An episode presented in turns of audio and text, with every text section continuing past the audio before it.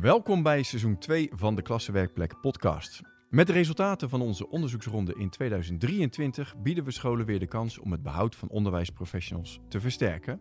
En vonden we nog meer prachtige voorbeelden van scholen die het werkgeluk al op hoog niveau georganiseerd hebben. In deze podcast gaan we in gesprek met betrokkenen van die voorbeeldscholen, de klassenwerkplekken van 2023. Maar Rita Pearson die laat je zien als je die filmpjes van haar bekijkt, waar het in onderwijsland in mijn optiek om gaat. Om, Ja. Zie die kinderen. Weet wat ze nodig hebben. Anticipeer daarop. Heb er lol in. Ehm, bekijk kinderen als kinderen, als toekomstige burgers. Met al hun problematieken eh, komen ze, leggen hun hele vertrouwen in jouw handen. En jij mag het doen. Dus jij maakt echt een verschil. Vandaag zijn we op bezoek bij OBS De Klimop in Reuzel. De Klimop is een school binnen de stichting RBOB De Kempen. Een bestuur met een flink aantal klassenwerkplekken. En vandaar dat we vandaag niet met één, maar zelfs met drie schoolleiders van deze ene stichting zitten. Vandaag aan tafel Angela van den Bomen, schoolleider van de school waar we te gast zijn, De Klimop in Reuzel. Welkom. Eh, Marielle Koppens, schoolleider van OBS Servatius in Valkenswaard. Ja. En Thijs van Bree, schoolleider van De Sleutelaar in Bladel. Ja. Nou, welkom allemaal. Dank je. Dank je. De school van Thijs is al een klassenwerkplek sinds 2021. Die van Marielle sinds 2022. En de school van Angela mag zich sinds 2023 officieel ook klassenwerkplek noemen. Was het daarvoor al wel, zei ze zelf net. Gefeliciteerd met deze fraaie erkenning van jullie werkgeverschap. Eh, mijn naam is Paul Baan en vandaag gaan we het specifiek hebben over hoe focus op onderwijskwaliteit door vakmanschap leidt tot meer werkgeluk voor onderwijsprofessionals. En zoals altijd beginnen we met een paar stellingen. Eigenlijk ben ik alleen op zoek naar een ja of een nee. Kunnen we het daarna verder over hebben. Eh, we beginnen met de eerste stelling. En je mag roepen zodra je het, eh, het antwoord wil, wil geven. Er is altijd een ontwikkelbehoefte bij onderwijsprofessionals. Ja. Ja. Oh, kijk, dat gaat heel goed. heel mooi. Oh, daar heb ik zo een mooie vervolgvraag op. Focus op vakmanschap is dé sleutel tot onderwijskwaliteit en werkgeluk. Ja. Nee. Interessant. Ja. Twee keer ja, één keer nee. Komen we zo op. Het is geen toeval dat RBOB de Kempen veel klassenwerkplekken herbergt. Ja. Het is geen toeval. Ja, dus Ja. ja. nee, het is geen toeval. Het is geen toeval. Ja, het is geen toeval. Ja, Ja. het is in ieder geval geen toeval. En eh, werkgeluk is de verantwoordelijkheid van de individuele professional. Nee. Nee. Oké. Ja. Ja. en- Ja. Leuk. Nou, we hebben genoeg om over te praten zo. Eh, om te beginnen, kunnen jullie heel kort even jezelf in je school voorstellen? Wat voor populatie zitten jullie in? Ehm, nou, wat is de situatie van de school waar je actief op bent? Wil jij beginnen? Jazeker. Eh, onze school, OBS de Klimop, staat eh, in het Kempische Reuzel, een grensdorp tegen de Belgische grens. waar eh, een derde van de leerlingen van het dorp naar onze school komt. Dus we hebben eh, tussen de 250 en 270 leerlingen. Gedurende het jaar groeit dat en we zijn ook licht groeiende als school. Eh, ik ben hier sinds drie jaar schoolleider. Dit is mijn vierde schooljaar waar ik nu aan begin. En we hebben elf groepen bij ons op school. Waarbij de ene groep wat groter, de andere wat kleiner. Bewuste keuzes worden daar jaarlijks in gemaakt. En ehm, we kiezen ook bewust voor homogene groepen, maar daarnaast ook combigroepen. Want het geeft namelijk allerlei mooie mogelijkheden. Oké. Ja, mooi. Ik, eh, ik, we komen er zo verder op eh, te praten nog. Thijs. Ja, onze school staat in eh Bladel, de Sleutelaar. En wij zijn eh, een, een kleine school. Wij hebben zo'n 100 leerlingen op dit moment. Wij gaan dit jaar ook echt de 100ste leerling weer een keer eh, eh, binnen eh, krijgen. En dat is lang geleden. Ehm, wij, eh, wij werken juist in combinatiegroepen. Eh, met name vanwege ons leerlingaantal. Maar wij zien daar enorm veel mooie kansen in. Ehm, en ehm, nou, wij zijn een school waar we echt oog hebben voor elkaar en elkaar kennen. En ik mag daar ondertussen voor mijn derde schooljaar nu eh, werken als schoolleider. Oké. Hartstikke goed. Maar ja. Nou, eh, ik ben van eh, OBS Servatius in Borkel en Schaft. Eh, wij zijn een kleine school eh, in een fijn eh plattelandsdorp. Ehm, de populatie eh, komt dus ook uit het dorp. Eh dichtstbijzijnde andere school is echt wel zes kilometer verderop. Ehm, wij vinden de ruimte benutten die rondom onze school is heel erg belangrijk. Dus dat zie je ook in, eh, ja, in ons onderwijs terug. Ehm, letterlijk, maar ook de ruimte voor de kinderen en de professionals die daar werken. Oké, nou hartstikke goed. En natuurlijk dan gelijk even de checkvraag erachteraan. Hoe is het met de formaties bij jullie op school? Eh, in mijn geval eh, is het daar eh, heel goed mee. Ja. Dat wil zeggen, ik heb voldoende personeelsleden. Ik heb goede personeelsleden vooral. Ja? Dus, ja, ja, ja, ik denk dat ik het geluk zorgen. heb dat ik echt toppers van leerkrachten hier heb. En ja, die werkelijk ervaren. Dus dat trekt ook weer mensen aan die hier zelfs graag willen werken. Kijk, dat is mooi. ja, dat is mooi. Dat horen we vaker bij scholen die het goed voor elkaar hebben. Kortlopende vervanging wordt hier en daar eens een beetje spannend. Maar in principe zijn er altijd mensen die willen werken op dit soort scholen. Dus dat is eh, Ja, goed om dan te horen wat dat dan precies is, wat jullie doen. Nou ja, we hebben natuurlijk ook eh, het, het geluk dat we vanuit RBOB eh, volgens mij relatief veel FTE's als schoolleiders krijgen voor op je school. Om daar ook het juiste personeel eh, te Ja. kunnen aantrekken. Dus als je daar eh, proactief op anticipeert en je zorgt dat je inschattingen maakt van wat er gaat komen. Ook al kan je dat niet altijd 100% hard, hard maken vooraf. eh, kan je wel zorgen dat je zorgt dat je de juiste mensen op de juiste plekken hebt. En eh, dus ook voldoende personeel hebt. En er is ruimte om vooruit te denken. Dat is eigenlijk ook wat je zegt. Ja. Ja, ja. Ja. Ja, en weinig overhead eigenlijk, zou ik maar zeggen. Dus je hebt de ruimte echt op je school in plaats van dat die bovenschools eh, ingezet wordt. Oké, ik- eh, eh, heel even over Thijs, want wil ik zo meer even Ja. weten. Hoe is het bij jullie met de formatie?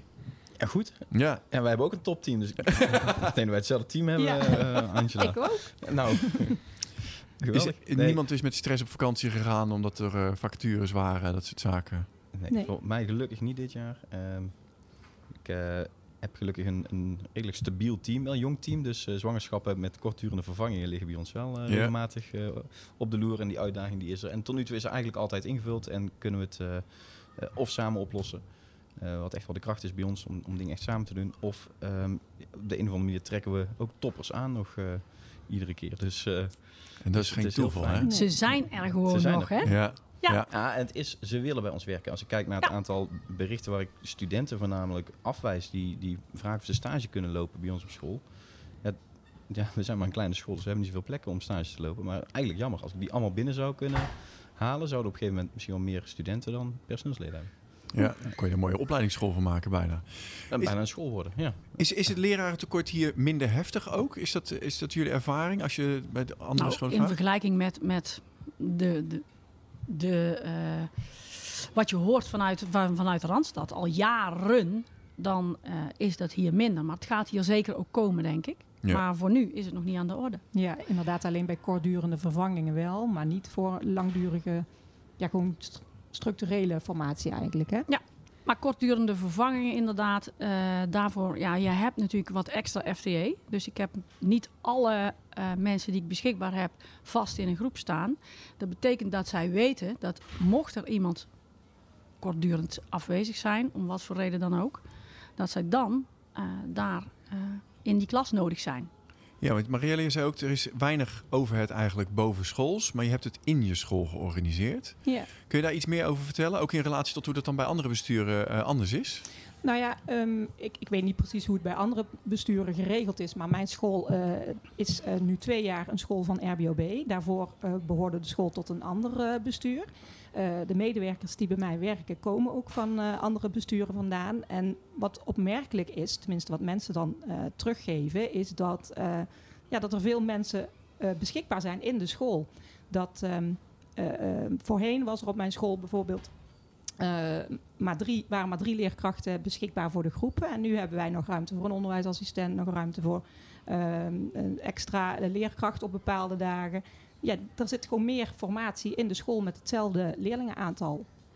En dat is dus een soort filosofie vanuit RBW de Camp, om het op die manier in te richten, begrijp ik. Of de, Ja, Nou, minimaal wat er ja. boven schools nodig is, eh, wordt daar wel ingezet. Maar minimaal, dus niet meer mensen daar rondlopen dan echt noodzakelijk. Nee, wij kennen binnen onze organisatie ook geen vervangerspool of een, een flexibele schil of iets dergelijks. Wij zijn geografisch gezien natuurlijk een, een stichting eh, waarbij onze scholen eh, van Reuzel tot aan Nederweert eh, verspreid zijn.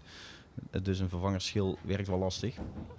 vanwege de reistijden. binnen- Ja, ja, als je in, in Reuzel zou wonen en je hoort eh, s ochtends eh, je mag naar eh, Nederweert, dan, eh, En dan is het maar hopen dat je nog op tijd zou zijn. Ja. Dus eh, de filosofie erachter is wel dat RBOB zegt... laten we ook zorgen dat eh, als we een vervangerspool zouden hebben... de FTE's die we daaraan zouden gebruiken... dat we die rechtstreeks nu al op voorhand naar de scholen doen. En dat is fijn, want dan heb je op voorhand dus eigenlijk al extra handen in je school. Ja.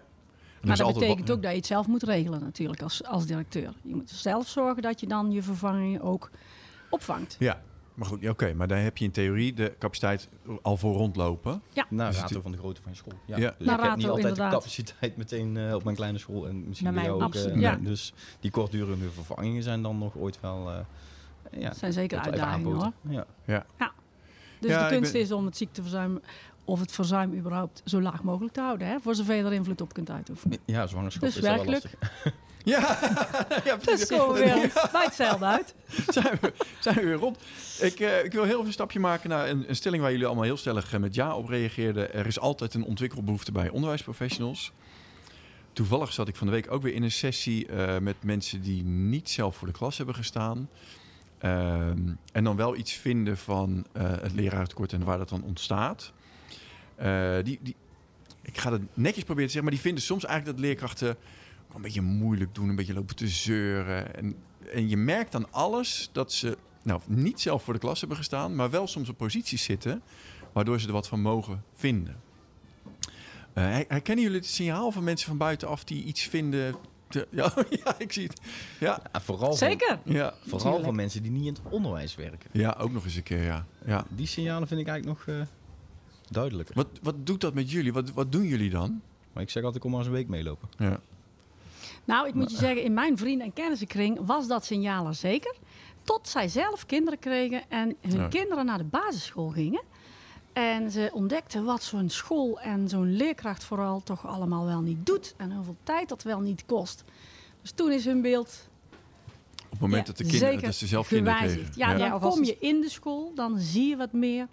Eh, dan ervaar je wat meer van wat er allemaal bij komt kijken. Los van wat iedereen vertelt. Want het aloude grapje, eh, wat zijn drie juffen op een bankje?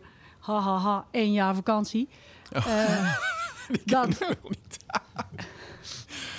dat is er één die ik regelmatig hoor, ja. Ja. Oh, Dus, ja. eh, ja maar eh, ik, in mijn omgeving is dat beeld gewijzigd. En ik nodig iedereen uit om eens een weekje mee te komen draaien, wat Thijs ook zegt, ja. ja, precies. Maar je hebt het dus eigenlijk over professionals binnen het onderwijs of binnen de onderwijssector die daar iets van vinden. Ook, ja. eh, Papieren professionals. Sorry? Papieren professionals of kantoorprofessionals. Kantoorprofessionals. Ja, Ja, ja. dus die eh, aan de zijlijn eh, proberen bij te dragen aan het oplossen van het leraartekort. En daar dan een visie ontwikkelen op, nou, wat doet zo'n leraar nou eigenlijk? En dan eigenlijk snel zeggen van, ja, dat moet niet zo zeuren. Dan denk ik, ja... Ik, ik herken heel erg, ik ben zelf science geweest. En toen ik voor de klas ging, toen zeiden mijn vrienden... En ik kwam uit een heel andere sector. Oh, dat is lekker, lekker veel vakantie. Hè? Nou, nou, nou ga je het goede leven tegemoet. En na een half jaar heb ik ze allemaal verteld. Zeg, als iemand dat nog één keer zo'n grapje maakt in mijn, in mijn nabijheid, ik leg je in de knoop. Gaat echt niet meer gebeuren. Ze hebben het niet meer gedaan. Maar je, je, je vroeg net van, eh, eh, of het leek te gaan over de ontwikkelbehoeften bij, eh, bij leer, leerkrachten. En ik zie juist dat leerkrachten heel erg willen ontwikkelen. Precies. Die, als mensen vanuit hun vuur van binnen ehm, werken, dan willen ze elke keer verbeteren wat ze in de klas aan het doen zijn. En, eh, en zuigen ze de informatie op die ze overal kunnen krijgen, ehm, om dat dan weer direct toe te passen in hun eigen praktijk. Dus als, als zij zelf bevlogen zijn en plezier ervaren in hun werk, dan willen ze zeker ontwikkelen. Dat zie ik bij alle medewerkers eigenlijk in het onderwijs wel, die eh, vanuit die insteek vanuit zichzelf werken. Zeker. Zonder passie kan je dit vak echt niet doen. Nee. Nee. Want Nee. dan, dan eh, ja, je hebt die vlam van de passie nodig, anders brand je op. Dat gaat niet. En dat is meteen een mooi bruggetje, want eh, passie alleen is natuurlijk eigenlijk ook weer niet genoeg. Het is wel iets Nee. typerends voor onderwijsprofessionals en die ontwikkelbehoeften ook. En dat, wij zien dat ook dat dat eigenlijk een van de belangrijkste voorspellers is van dat werkgeluk op die scholen. Er komt natuurlijk een hele belangrijke vakmanschap eh, invulling vandaan. En daar hebben jullie alle drie wel echt ook iets voor, eh, voor, voor aangeleverd. Nou, laat ik daarmee beginnen. Eh, vakmanschap en werkgeluk. Hoe geven jullie daar ruimte aan? Hoe geef je de richting aan? Kun je daar iets over vertellen? Ja, zeker. Wil je beginnen, Angela? Kijk, vakmanschap, eh, dat is iets wat je continu blijft optimaliseren. Naarmate jij eh, eh, werkt, word je steeds beter en wil, wil een gemiddelde leerkracht, wat die een, hoog denkniveau heeft, die wil continu ietsje beter worden. Want ietsje beter betekent dat je werk je steeds een stapje makkelijker afgaat. Dus daar heb je zelf uiteindelijk profijt van. Ehm, leerkrachten zijn, wat ik zeg, hoogopgeleide mensen. Dus die, die willen dat, die hebben die intrinsieke motivatie als ze ergens starten, sowieso. Daar ben ik echt van overtuigd. Ja. Daar eh, hoef je als schoolleider alleen maar ruimte aan te geven en dan eh, gaat het. Maar je moet wel zorgen dat je je schoolontwikkeling eh, helder hebt. En dat daar de persoonlijke ontwikkeling dan passend is bij datgene wat je als school wilt ontwikkelen. Hè? Welke kant willen wij opgaan? En hoe willen wij dan eh, nog beter worden dan we nu al zijn? Want we zijn al goed. De maatschappij verandert continu. Wij leiden de burgers van de toekomst op. Ja. Dus we kunnen niet anders dan veranderen en zorgen dat wij zo goed mogelijk anticiperen op de dingen die in de samenleving spelen en gaan spelen. En dus- en jij zegt, je moet proberen de balans te vinden eigenlijk tussen de ontwikkelbehoeften van de individuele leerkracht en die van je school. Als je een wat grotere school hebt, dan is dat misschien iets, iets nou ja, dan, dan heb je meer eh, aanbod binnen het team zitten, denk ik. Hoe werkt dat op een eh, kleinere school eh, zoals die van jullie als je die balans wil bewaken? Ehm, eigenlijk is dit voor, voor mij niet zo moeilijk, denk ik, op school. Want juist met, die, met het kleine team waar je mee werkt, heb je ook samen de koers van de school bepaald. De koers is niet iets van mij als schoolleider alleen, dat doe je samen met je team. En ehm, dat team heeft dus die koers mee bepaald. En sluit dus, het sluit dus ook aan bij waar zij behoefte aan hebben. En ehm, door te zien waar zij zelf eh, hun kwaliteiten hebben liggen en waar zij zelf in eh, willen ontwikkelen, kan dat juist heel mooi bij elkaar aansluiten. Ja. Ja. Als je ze mede-eigenaar maakt van, Ja, het, van de verantwoordelijkheid die de school draagt. Ja, Ja. precies.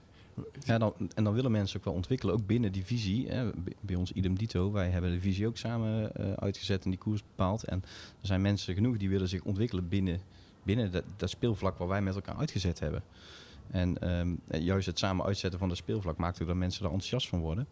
En, ja, wij hebben een wat kleinere school, maar eh, misschien wel net zoveel mensen die zich aan het ontwikkelen zijn en opleiden en cursussen aan het volgen zijn als eh, in een wat grotere school. Ja, en het past binnen het doel en de visie van de school, Ja. omdat ze daar samen, eh, omdat ze aan mee hebben gedacht. Ja. Ja.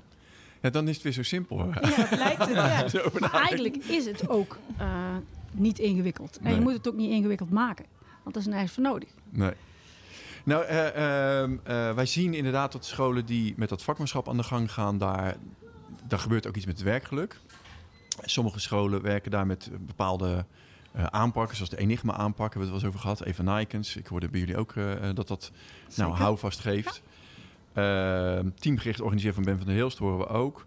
Eh, Marielle, je hebt de opleiding expert onderwijskwaliteit eh, gedaan. Zit ik middenin nog. Zit je nog middenin zelfs? Oké, wat, wat haal je daar uit om, om lijn te geven aan die vakmanschapontwikkeling? Nou, het is sowieso een heel inspirerende eh, opleiding. Dus ik, eh, ik haal elke keer eh, van alles op. Eh, dan is het nog de kunst om het te kaderen van wat ga ik daar nu, eh, nu mee doen.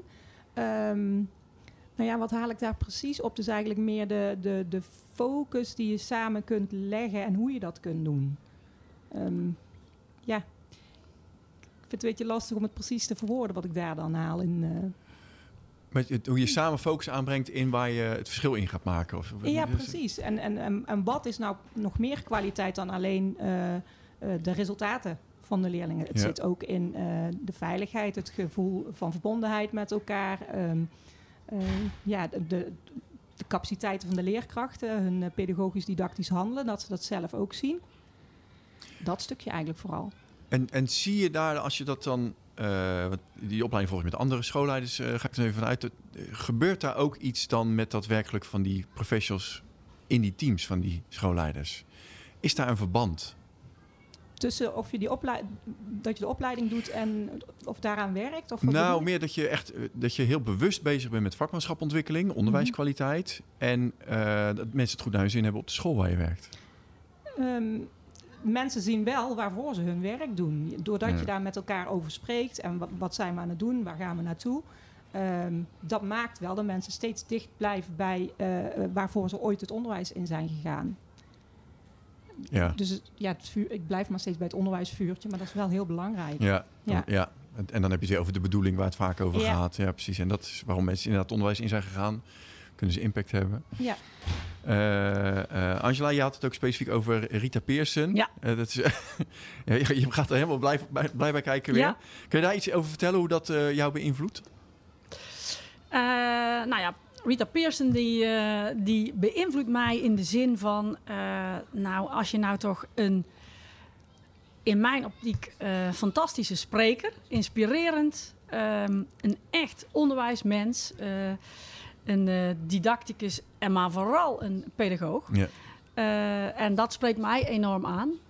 Een pedagoog is denk ik iemand die echt, echt het verschil kan maken.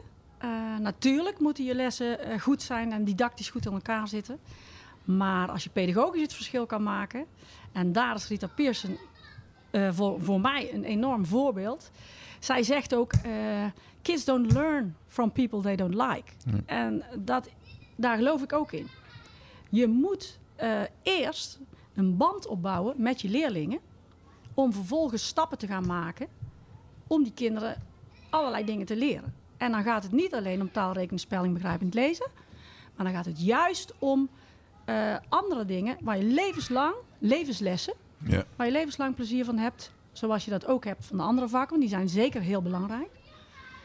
Maar Rita Pearson die laat je zien als je die filmpjes van haar bekijkt, waar het in onderwijsland in mijn optiek om gaat. Om, Ja. Zie die kinderen. Weet wat ze nodig hebben. Anticipeer daarop. Heb er lol in. Ehm, bekijk kinderen als kinderen, als toekomstige burgers met al hun problematieken. eh, komen ze, leggen hun hele vertrouwen in jouw handen en jij mag het doen. Dus jij maakt echt een verschil in een kinderleven, in een volwassen leven. Hoeveel volwassenen zijn er niet die hun basisschoolleerkracht zich nog prima herinneren? Omdat die iets deed wat een ander niet deed. Dus je bent echt enorm belangrijk. Ja. Ja, mooi. Dat zit dus heel erg op die relatiecomponent eh, Ja. inderdaad. Ja. Rita Pearson is iemand die heel eh, sterk dat relatieverhaal benadrukt eh, in die klas. zoals je net zelf ook al zei. Uit onderzoek blijkt dat mensen die beter in hun vel zijn, die meer geluk ervaren, grotere empathische vermogens hebben. En dat helpt natuurlijk bij het aangaan van, van die relaties. Zie jij dat ook? Dat mensen die beter in hun vel zitten, beter het Rita Pearson voorbeeld kunnen volgen dan, eh, dan anderen? Absoluut. Ja. Ja. Denk überhaupt dat dat voor iedere professional geldt. Hè? Als je goed in je vel zit en je voelt je lekker, zowel thuis als op je werkplek, en, en dat is allemaal in balans, dan kan je het maximale van je kunnen laten zien. Ja. Dus dan, dan gaat het je makkelijker af. De tools heb je al. Dus eh, je kunt al zwemmen. Ja. Iedereen heeft al eh, A. Ik denk dat eh, bij ons eh, de collega's, de meeste hebben ook al B. Sommigen zelfs C. Dus eh, de basis is oké. Het is wat we bij kinderen natuurlijk ook zeggen. Hè? Als het Ja. welbevinden er is, dan is dat de basis om eh, vooruit te gaan. Maar eerst dat welbevinden. Ja. En dat is bij collega's net zo, ja. Als het welbevinden er niet is, ja, dan ontbreekt die basis om eh, A, B, C reddingszwemmen te halen. Ja, en, en, en een stapje verder nog. eh, voor schoolleiders geldt hetzelfde natuurlijk. Eh, je wilt voor de leerlingen, je wilt voor de leerkrachten. Er is ook een schoolleidertekort. Ja. Ehm, we hebben net heel eventjes ook eh, eh, hier voorafgaand gesproken over de rol van het bestuur in het creëren van overheid binnen de school in plaats van op het bestuurskantoor. Ehm, dat doet ook iets met hoe jullie je eigen werk ervaren, denk ik. Zeker, ja. Ja. En ik denk ook als je zelf eh, plezier ervaart in, eh, in wat je aan het doen bent. En eh, natuurlijk niet heel de dag, want iedereen heeft eh, zijn ho hoogtepunt op de dag en iets mindere momenten. Maar ehm, over het algeheel plezier ervaart, dan, eh, dan straal je dat ook uit. En eh, geef je ook de ruimte daarin voor anderen om dat ook te hebben. Ja, want Mariel, jij en Thijs ook, jullie hebben allebei eh, wisselingen in de scholen ervaren. Je hebt een school, eh, eh, je bent gestart op een school die was al klassenwerkplek.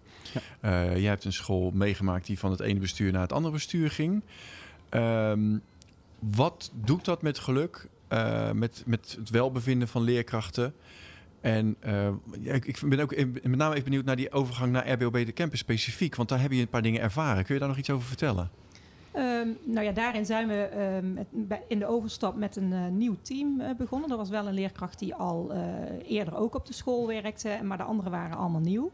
En daarin kwamen we eigenlijk wel in een eh, soort van... je moet elkaar even leren kennen en, de cultuur moet nog ontstaan. Eh, we hebben het net al eens gehad over hoe belangrijk een cultuur in de school is. Over eh, hoe je elkaar meeneemt en op kunt tillen. Nou, in het begin moesten we elkaar nog leren kennen. Zoals bij elk groepsvormingsproces heb je eerst die fase van leren kennen, voorzichtig.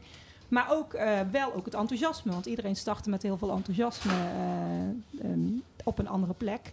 Ehm, ja, daar hebben we mee proberen te, vast proberen te houden. Ja.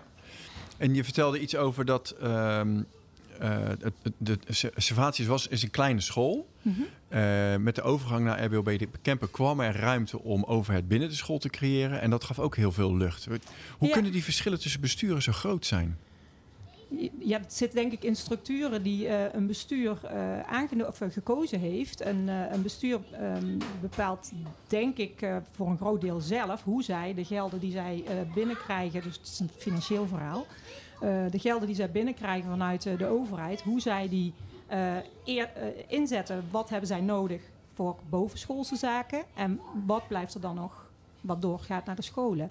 En bij RBOB is ehm, ja, het, grootste gedeelte, het, grootste gedeelte gaat gewoon naar de scholen van, eh, van wat er binnenkomt. En natuurlijk zijn er ook bovenschoolszaken nodig. Je hebt een HRM-expert nodig, je hebt een bestuurder nodig, je hebt eh, financieel eh, eh, experts nodig. Eh, tuurlijk zijn er eh, zaken die nodig zijn bovenschools, maar dat is wel eh, ja, in dienst van de school, wat daar nodig is voor het onderwijs op, eh, op de plaats waar het hoort. Ja. En dan heb je de ruimte om het op school zelf gewoon goed te organiseren. Ja. Heb je minder afhankelijkheden. Ja. En dat draagt bij uiteindelijk dat misschien mensen ook beter in hun vel zitten. Want jij hebt heel veel uh, Thijs moeten organiseren. Uh, toen jij die, of organiseren. Jij bent ingestapt in een school en daar wil je natuurlijk ook je eigen draai aan gegeven. Je wil heel anders of misschien juist hetzelfde. Um, hoe heb jij dat proces meegemaakt van een klassenwerkplek naar eigenlijk continu een klassenwerkplek? hoe, heb je dat, hoe heb je dat meegemaakt? Nou ja, ik start natuurlijk in een team uh, waar het werkelijk hoog was. Want zij waren klassenwerkplek op het moment dat ik daar uh, begon. En uh, wat je heel erg sterk merkt bij ons is dat uh, het samen, we zijn een kleine school, dus ons team is ook niet zo heel groot. Dus we kennen elkaar echt, we hebben oog voor elkaar. Uh, en die kracht van het samen doen, het oog hebben voor elkaar, die maakt dat mensen heel snel opgenomen worden bij ons binnen die cultuur. Uh, ook ik, ik heb echt, um, volgens mij heb ik het eerder ooit bij jou aangegeven, ik kwam in een warm bad terecht en op iedere school zie je die kernwaarden samen, maar bij ons voel je hem ook echt. En um, ja, die cultuur zit echt wel bij ons uh, binnen het team. En um, we hebben intussen, als even terug naar toen wij de eerste keer klaswerkplek waren in 2001. En nu staat er bijna een um, compleet nieuw team. Want er zijn best wel wat wisselingen geweest in de tussentijd. maar die cultuur die blijft. En dat samen doen, het is enerzijds inherent aan de school. Anderzijds, daar zit zo in... Uh, ik zeg altijd, dingen moeten wij niet borgen, dat is niet genoeg. Dingen moeten in ons DNA zitten. En daar zit bij ons zo in ons DNA dat, uh, dat ik nou ja, heb mogen ervaren toen ik daar startte, opgenomen werd. En na mij alle collega's die bij ons starten, ja, die kwamen allemaal in dat warme bad terecht. En je zegt het heel mooi, het zit in je DNA. Uh, ik heb ook altijd geleerd dat cultuur wordt in belangrijke mate bepaald door de mensen die er rondlopen. Maar juist de mensen, het team, daar zijn wat wijzigingen geweest. Ja. Wat is de rol van een schoolleider in het bewaken dan van dat, noem het dan team-DNA? Hoe doe je dat? Ik denk dat het bij ons heel belangrijk is om dat stuk samen. Um, dat heb ik heel erg ook uitgelicht. En dat nog steeds. We bepalen samen het speelveld. We zijn niet zo groot, dus we vinden elkaar ook gemakkelijk. Um, als wij uh, in een pauze samen zitten, dan, dan zijn we ook eigenlijk vaak compleet. Dus uh, dat stukje samen kunnen wij ook echt samen doen. Het is niet dat er een clubje iets uh, uitzet en daar gaan wij voor de rest volgen. Nee, als wij met elkaar iets bespreken, dan doen we daar bijna altijd met z'n allen al. Dus uh, wij zitten heel erg op dezelfde lijn, uh, omdat we allemaal samen daar de ruimte voor hebben gehad om uh, die koers te bepalen en vast te houden. Ja. En een vervolgvraag dan, want uh, in tijden van een leraartekort zie je dat scholen nou, soms wat marchanderen met hun eigen regels als het gaat om het werven van nieuw personeel. Want ja, er moet iemand voor de klas. En ik begrijp eigenlijk uit jouw verhaal dat jij best wel kunt bewaken dat mensen die binnenkomen die saamhorigheidsgedachte ook zo, zo, zo beleven. Ja. Kun jij kiezen bij wie er bij je binnenkomt? Uh, ja, ik Ja. heb nog wel eens keuze, ja. Ja. ook in tijden waarin de tekorten groter worden. Uh, ja, er is nog keuze. Dat is toch, de- maar dat is toch, hè, dat zijn scholen met, ik noem dat, dat scholen met de opwaartse spiraal. Dus Juist in deze tijden, dat je dat kan, dat je steeds de kwaliteit verder kan verhogen, doordat je bewaakt wie er binnenkomen. Dat is toch fantastisch eigenlijk? Nou, eigenlijk bewaak je niet, maar voordat er überhaupt een vacature komt, heb je al iets anders gedaan om te zorgen dat mensen willen komen natuurlijk. Dus je plaatst een vacature, maar daaraan voorafgaand heb je je PR, je ouders, eh, die eh, praten over de school, je leerlingen. Die maken dat er dingen eh, verteld worden in de omgeving over je school. En als die dingen positief zijn en mensen horen Ja. dat, en dat geldt natuurlijk ook voor de collega's die hier werken, die tegen hun kennissen, vrienden, eh, bekenden zeggen eh, dat ze op een fijne werkplek werken. Dat helpt allemaal mee voor als er een vacature gaat komen. Ja. Ja. Dan heb je je, je je aanstroom eigenlijk al georganiseerd voordat die er is. Ja. Daar zit je invloed. En dan hoop je dat de juiste mensen gaan een brief gaan schrijven. En dat gebeurt gelukkig. Ja. Ik, ik wil straks nog even dan wel ook... Want jullie praten erover alsof het voor jullie natuurlijk is. En eh, dit- dit- hè, dit werkt nou eenmaal zo. Maar ik hoop dat jullie ook wel beseffen dat jullie echt iets heel bijzonders hebben neergezet. En ik hoop straks nog even een tip te kunnen krijgen van wat kunnen andere scholen nou doen als ze niet in deze situatie zitten om de eerste stap te zetten om ook vanuit deze riante pos- positie eh, een school te kunnen runnen. Ehm, ik heb nog een vraag tussendoor. Jullie bestuur was, eh RBO bij de Camp was een van de eerste in Nederland die eh, mee ging doen aan het onderzoek van, eh van klassenwerkplek. Ehm, en inmiddels zie je het aantal scholen binnen de stichting met, met hoog werkgeluk toenemen. En, hè, op basis van de meting. Is het zo eenvoudig dat wat je aandacht geeft dat het groeit? Is dat hoe het werkt? Je bedoelt Ja. niet dat je er alleen maar aandacht komt. Nee, niet alleen met, met helpt wel. weet je. Zeker. Ja. Ik zie Angela inderdaad knikken. Thijs, leg eens uit. Nou ja, ik, eh, RBB zegt ook echt wel, ehm, wij willen dat werkgeluk. Dus dat, dat spreken wij met eh collega-directeur onderling, eh, bespreken dat met elkaar. En eh, het bestuur stuurt daar echt mee. Van, we willen eh, ja, scholen hebben waar het werkgeluk hoog is. Ja. Nou, wat je aandacht geeft groeit, geldt niet alleen voor werkgeluk. Hè? Geldt voor alle dingen die je onderneemt. Geldt voor vakmanschap, geldt voor impact, geldt voor... Dus je moet je aandacht breed spreiden over alle dingen die ertoe doen op een basisschool. ja. Op de dingen waarmee je vooruit wil eigenlijk. Ja, want Ja, maar die ertoe doen ook voor eh, het- werkgeluk in die zin. ja. Eh, dus Ja, eh, zeker. die indicatoren die daaronder liggen, van wat is nou belangrijk voor, voor werkgeluk, dat je daar ook voorafgaand eigenlijk mee bezig bent. Niet alleen in een onderzoek of daarna, maar ook in, in ja, de fase die daarvoor eh, zit. Hoe- Hoe kijken jullie dat kader aan tegen de, de werkdrukgelden? Noem maar eens iets. Hè, werkdrukgelden ehm, is bedoeld als een manier om het onderwijs aantrekkelijker te maken. Of in ieder geval werkdruk te verlagen. Maar ja, als ik dan weer heel even letterlijk erbij pak... wat je aandacht geeft groeit... dan zou dit wel eens heel averechts kunnen werken. Uit onderzoek, ons onderzoek blijkt ook niet dat werkdruk heel voorspellend is voor behoud. Het is eerder een gevolg van hoe dingen georganiseerd zijn. Ja, maar werkdrukgelden zijn gelden waarbij wij in het team eh, samen hebben bepaald waar willen wij als school die werkdrukgelden dan aan besteden. Wat helpt ons om eh, de werkdruk, eh, als die al hoog is, te verlagen? Je zegt als die al hoog is. Ja. Want, ja, oké, ja. Want het is altijd een beleving, hè? Ja, precies. Ja. Oké, dus samen beslissen over waar gaan we deze mooie eh, cadeautjes van de precies. overheid... Waar, ja. waar, kan je het beste in- waar kun je dat geld het beste inzetten om Ja. het werk plezieriger te maken of makkelijker te maken of beter te laten verlopen? Ja, Oké, je zegt ook inzetten om het werk plezieriger te maken. Dus dat, het, Ja. het, het, is, het, is, het, zijn, het is een woordenspel, maar je hebt wel de aandacht voor iets anders al inderdaad, ja. precies. En inderdaad, hoe je het noemt, dat maakt heel veel verschil in hoe je het beleeft. Ja. Oké. Ehm, ik wil, was heel even benieuwd, want jullie zijn natuurlijk ook met die rapportages wellicht aan de slag gegaan. Kunnen jullie nog iets vertellen over welke rol die hebben gespeeld de, eh, in, in eventuele groei eh, richting meer werkgeluk? Ehm, nou, de rapportages als ze eh, ehm, binnenkomen op de scholen worden natuurlijk in eerste instantie met de teams gewoon besproken om Ja. te begrijpen van eh, waar komt een, eh, een uitslag vandaan of hoe, hoe hebben jullie bepaalde vragen geïnterpreteerd of de, gewoon het gesprek met elkaar daarover te voeren. Ehm, ja, teamleden ervaren dat dus ook heel fijn om die punten gewoon door te lopen en met elkaar te bespreken van waar gaat het hier over? Wat kunnen we er nog aan doen en wat kunnen we er met elkaar aan doen om eh, nog ehm, elkaar meer te ondersteunen of eh, die aandacht voor die collega te hebben die, die die nodig heeft of juist niet wil op bepaalde momenten. Dat je gewoon weet van elkaar waar je behoeftes eh, liggen.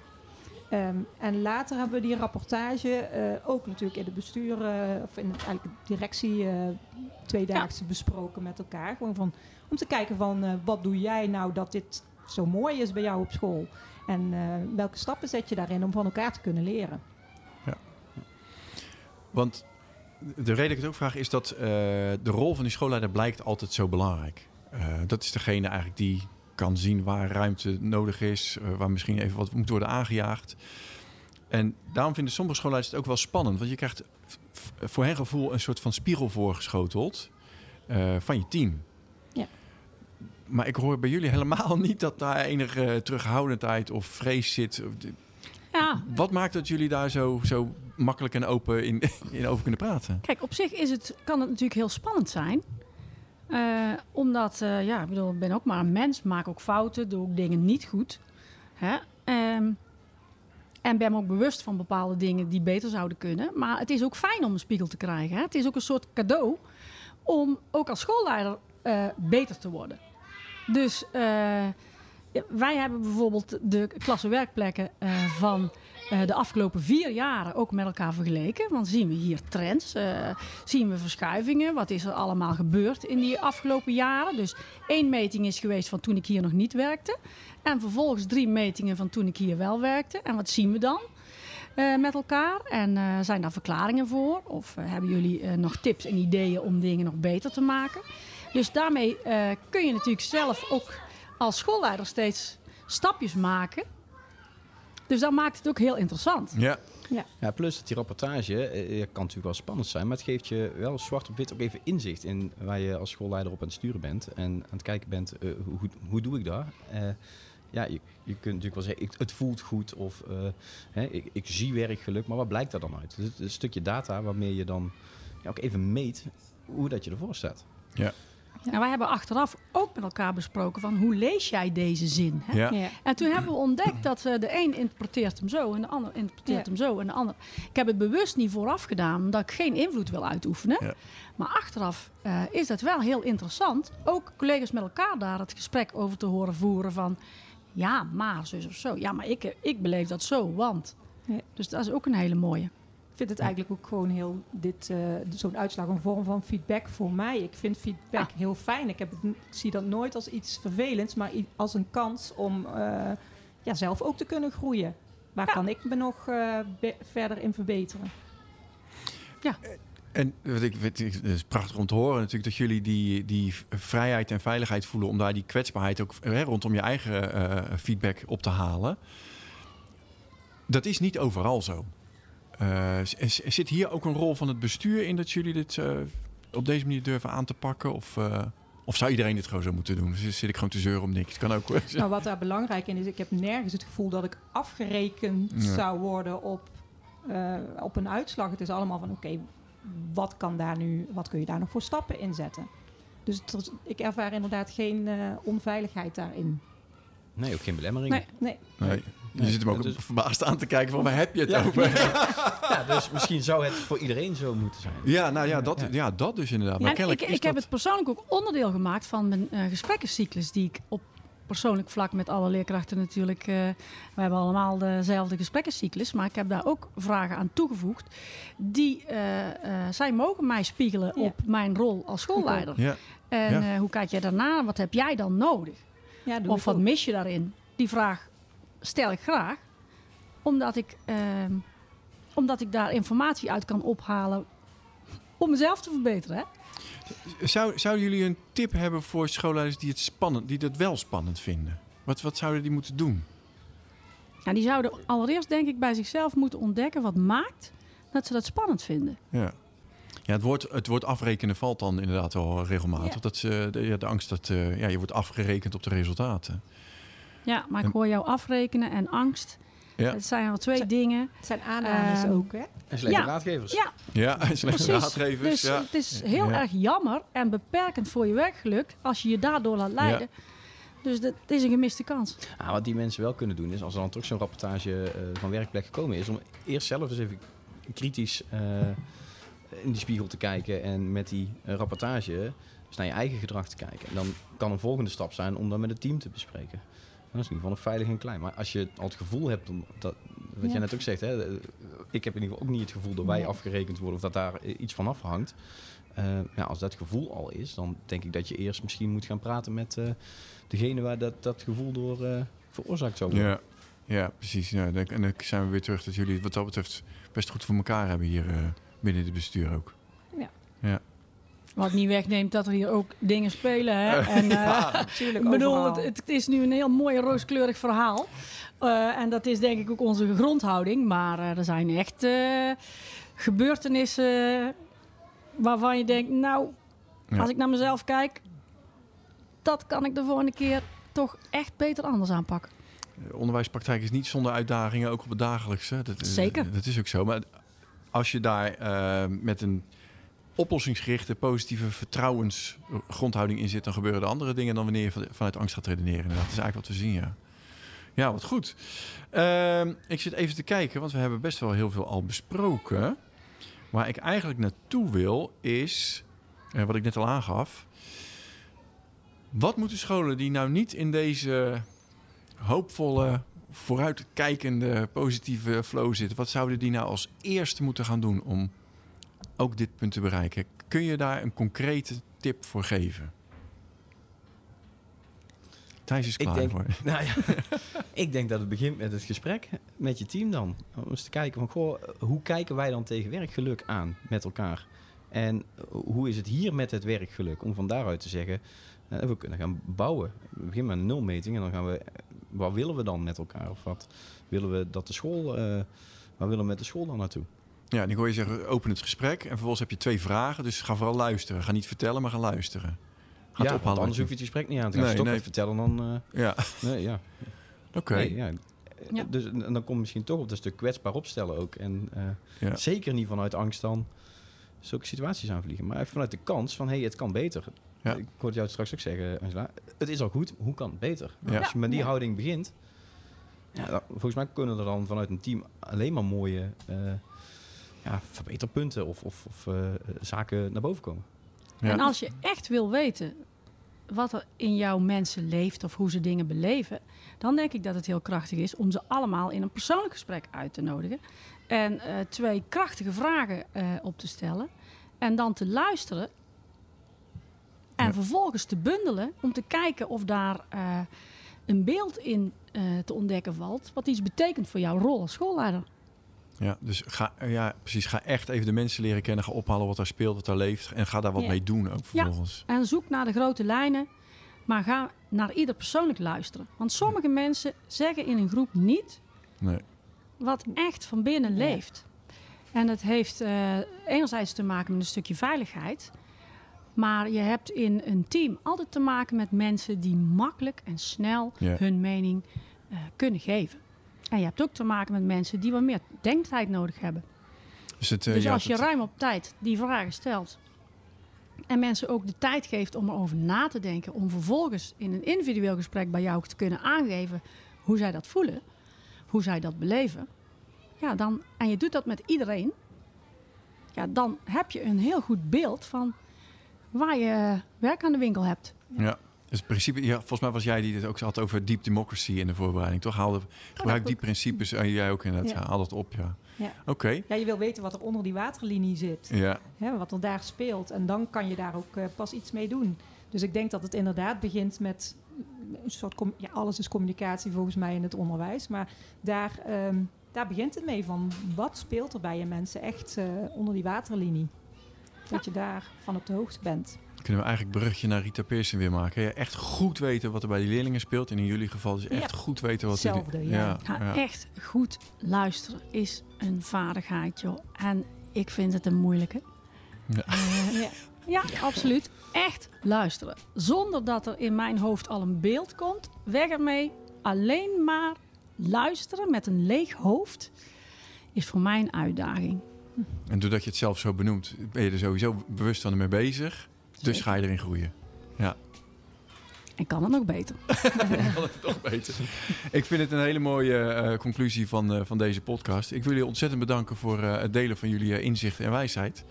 En ik wens jullie heel veel succes natuurlijk met het, met het voortzetten van het succes van de scholen. Nou, Dankjewel. dankjewel. Dankjewel.